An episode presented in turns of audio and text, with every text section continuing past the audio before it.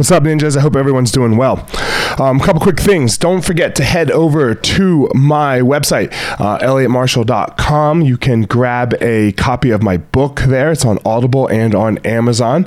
Um, also, there is my webinar, um, and this can be reached from my Instagram, so FireMarshal205. Give it a like, give it a follow, and you can get uh, my webinar there. You can get a free copy of my ebook there as well. So that's on Fire Marshal 205. Um, you can get to the, the course as well if you are interested in the course. And other than that, head over to you, my YouTube channel. Uh, again, Fire Marshal. I think it's Fire Marshal 01 for the YouTube. And give it a like, give it a subscribe, enjoy the content. And uh, man, that's it. If you are enjoying this podcast, please again share it with somebody. I would love if you sent something that you felt really helped you to a friend. So uh, forward that on. That would be greatly appreciated. Obviously like and subscribe on itunes or spotify wherever you're listening. So um, without further ado here we go. What's up, everybody? I hope you're well. I hope you're happy and healthy, and, and uh, you had a great weekend. Um, man, I know we've been doing this masculinity thing, and but I got to take a break this week. Uh, Thug Rose, baby. Thug motherfucking Rose. Oh my God. What a performance by Thug Rose. Um, and so much about what we've talked about uh, and what I've been really working on and trying to uh, bring to light, you know. And it, look, I didn't create any of this stuff. This is just information passed down. So uh, you got to see it at fucking work this weekend with Thug Rose, right? With that boom head kick KO. And I know that is the thing that we're all looking at, and we're all like, yo, and she won the title again. She's the first woman to ever uh, win the championship championship twice, win it, lose it, come back, win it again, um, and that that's all amazing. But if you watched, if you watched the whole card and you watched her walking into the arena, you could see she was mumbling something to herself. I some some something to herself. I am. She was just saying I am, I am, I you know, and you couldn't quite make it out when she was entering the arena. But then you got to see it when Bruce Buffer was announcing her name because he was real close to her and you could hear what she was saying. I am the best. I'm the best. I'm the best. I'm the best. And she just kept repeating it over and over and over and over again. Almost almost as if she was crazy.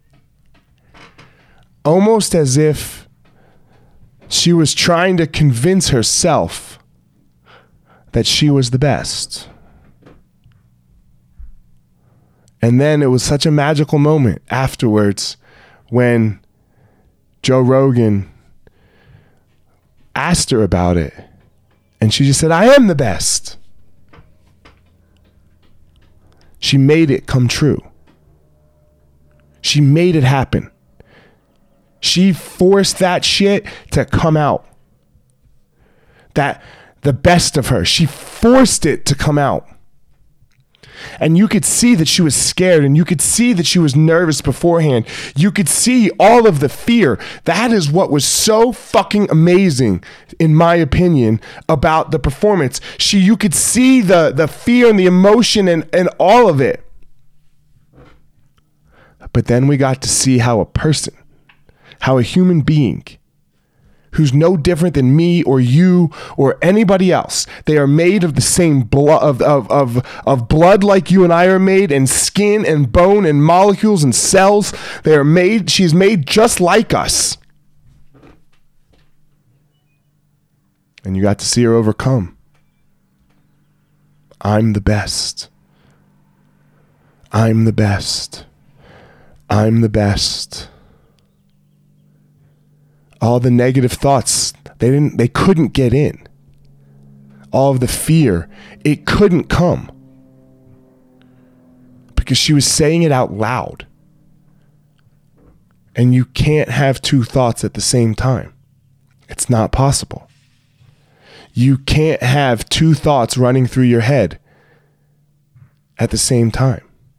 It can never happen you can't think of a pink and a blue elephant let alone I'm the best, I'm not the best.